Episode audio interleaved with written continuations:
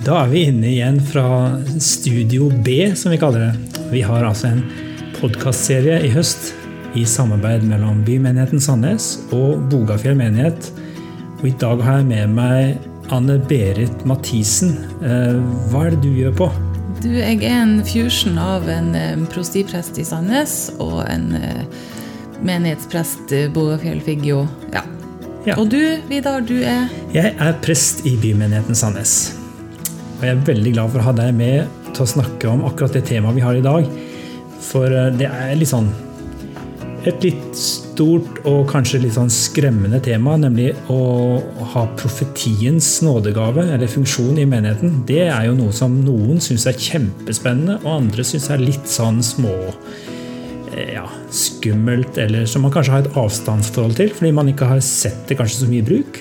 Eller opplevd det litt sånn misbrukt. Så det må vi nærme oss på en måte med litt sånn ja, eh, varsomhet, men også har jeg forventning. For når jeg snakker med deg, så snakker jeg med en som har opplevd at profetiens nådegave er viktig.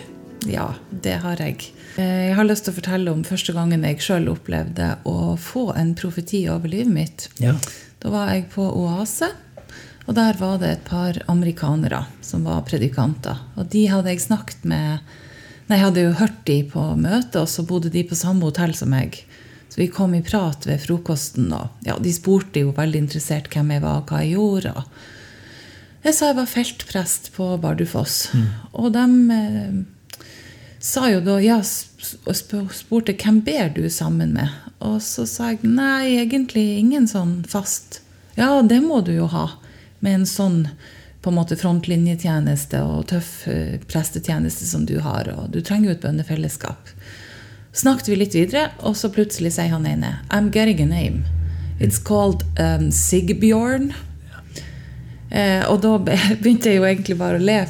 Å ja, selvfølgelig. Jeg skal begynne å be i lag med han Sigbjørn. Og det var jo min presteassistent, eh, som var vernepliktig soldat på 19 år. Og jeg skjønte med en gang at det er ikke bare han, men han andre, Martin også. Og de her to nydelige vernepliktige guttene, de var jo så glad i Jesus. Eh, Helhjerta og veldig, veldig fin. Eh, ja, så det, Det var bare helt et... kjempelogisk. Ja, og og det var akkurat som det var et håndtrykk fra, fra Vår Herre til deg. Ja, det var det på så mange måter. For det første det at jeg skjønte at nå er det Gud som taler gjennom denne mannen. Fordi han som amerikaner han har ikke engang forutsetninger til å vite at Sigbjørn er et navn. Han kan heller ikke vite at det finnes en Sigbjørn i livet mitt. Um, og også det at når Gud sa hvem jeg skulle be med, så måtte det åpenbares for meg, fordi det var ikke det jeg sjøl hadde kommet på. Eh, jeg, hvis jeg skulle valgt meg en bønnepartner, så ville jeg jo kanskje tenkt eh, en av de andre feltprestene, eller ei av de, kanskje ei av de damene i bibelgruppa mi. De var litt mer sånn samme alder. Og, eller funnet noen i samme livssituasjon. Men disse her var jo en halv generasjon yngre enn meg. Men det var jo de som hadde tid, og, og kanskje ja, på så mange vis var bare de rette bønnepartnerne. Og det kom så mye godt ut av det fellesskapet med oss tre. Eh, Så ja. Det, det opplevdes jo for deg som en Eller jeg tenker at dette er en ganske sånn ekstraordinær opplevelse uten, utenom det vanlige. Så kan vi tenke at Anne-Berit hun opplever sikkert helt spesielle ting stadig vekk. Men vi andre vanlige mennesker vi har ikke amerikanere på besøk. Eller, men mora di hun har en litt enklere måte å snakke om dette på. Ja, min mor snakker om det sånn som de fleste som har eh, tilhørighet innenfor Den norske kirke og kanskje litt sånn lavkirkelige møter.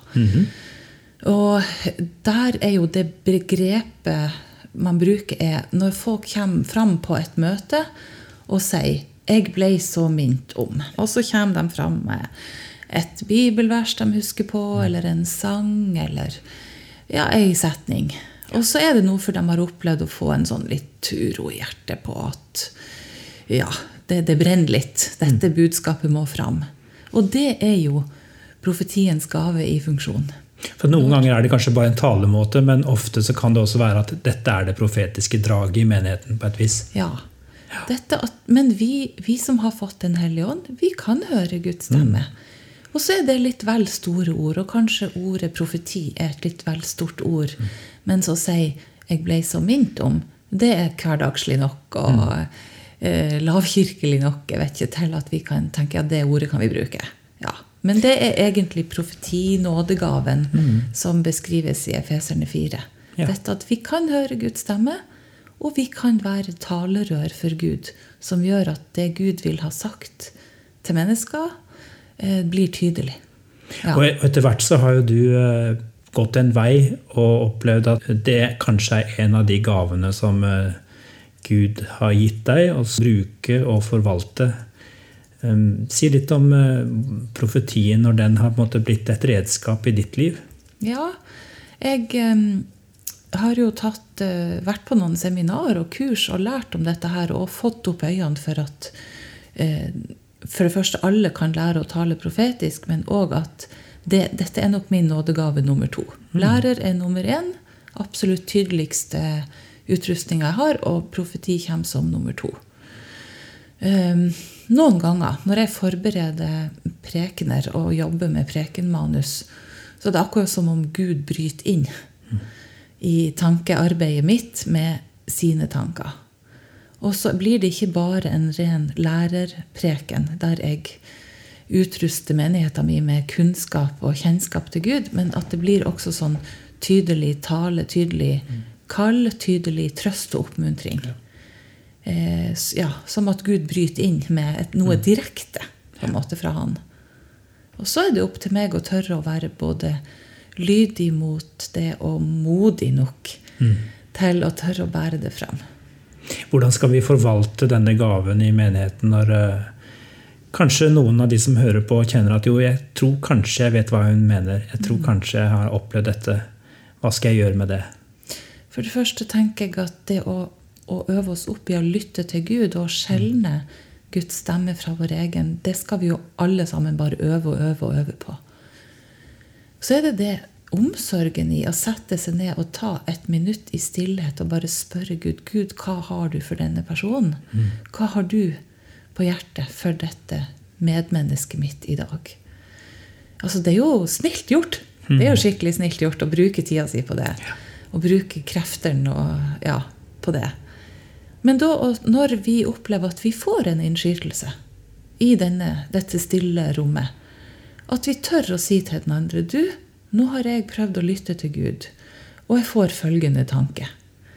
Det kan jo være et bibelvers, det kan være en sang, det kan være bare en setning. Mm. Men det grunnprinsippet for hvordan den profetiske gaven brukes i den nye pakt, der er det jo trøst og oppmuntring.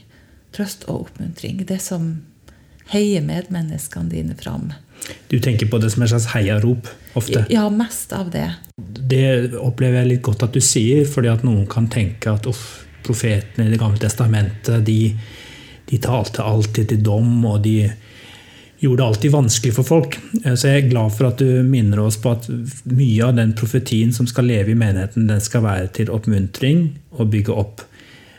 Og så Samtidig så ligger det litt sånn eh, tydelighet i profetien som av og til kan også være utfordrende. For det, det, er jo på en måte ikke noen som pakker inn budskapet, det er noe som er blitt sagt til dem, og så opplever de at de skal målbære det. Og Noen ganger så kan det for den som er profet, også være litt ubehagelig, brysom, i et fellesskap.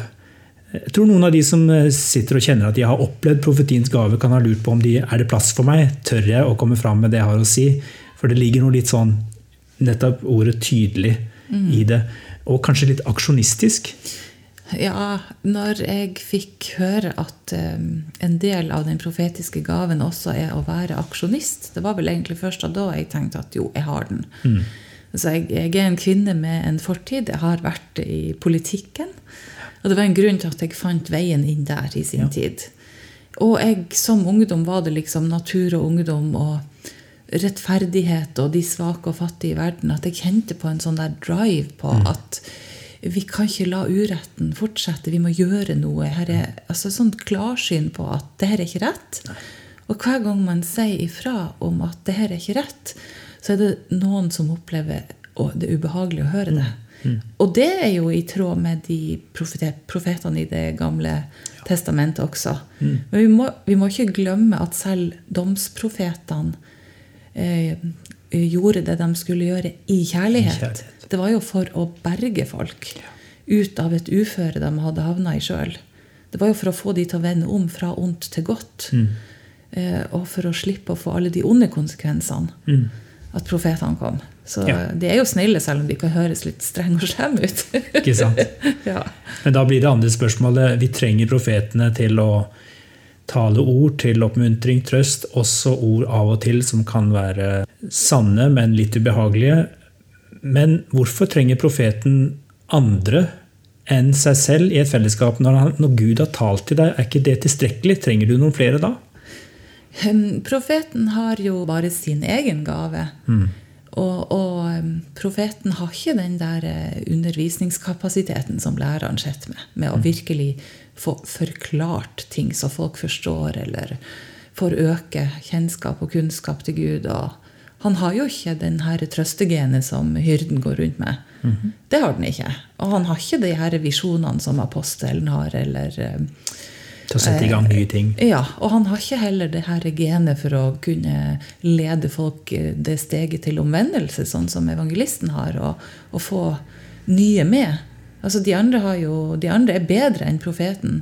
Profeten er kjempeviktig, men han er jo da, da bare en profet. Så det holder jo ikke. Så det vi lærer gjennom denne serien, er jo litt det der å oppdage at å ja, selvfølgelig, det er derfor jeg har de andre rundt meg. Jeg har fått noe, kanskje én eller to tyngdepunkter i dette, og så er det noen andre som fyller ut det jeg ikke har. Jeg tenker det, det er viktigere å finne seg sjøl i nådegavesystemet her enn det er å finne seg sjøl i typ Myers-Briggs eller i eh, enneagrammet eller å finne sin kunstneråre. Altså, De tingene er sekundære, men du finner din egen nådegave, så finner du deg sjøl på en sånn utrolig frigjørende måte. For du, når du skjønner hva du sjøl er, så skjønner du også hva du ikke er, og hva du ikke er nødt til å være. Og det er så befriende når du innser at «Ei, jeg, kan, jeg kan ikke og skal ikke ha alle oppgavene. Det er derfor Gud har utrusta de andre. Du trenger ikke å sammenligne deg, og du trenger ikke å ta alle oppgavene fordi du, du får en sånn sunn forståelse av begrensninger i din, egne, din egen utrustning. Og det er nydelig. Takk for praten, Anne Berit, og Gud velsigne deg i din tjeneste. Takk samme, Vidar.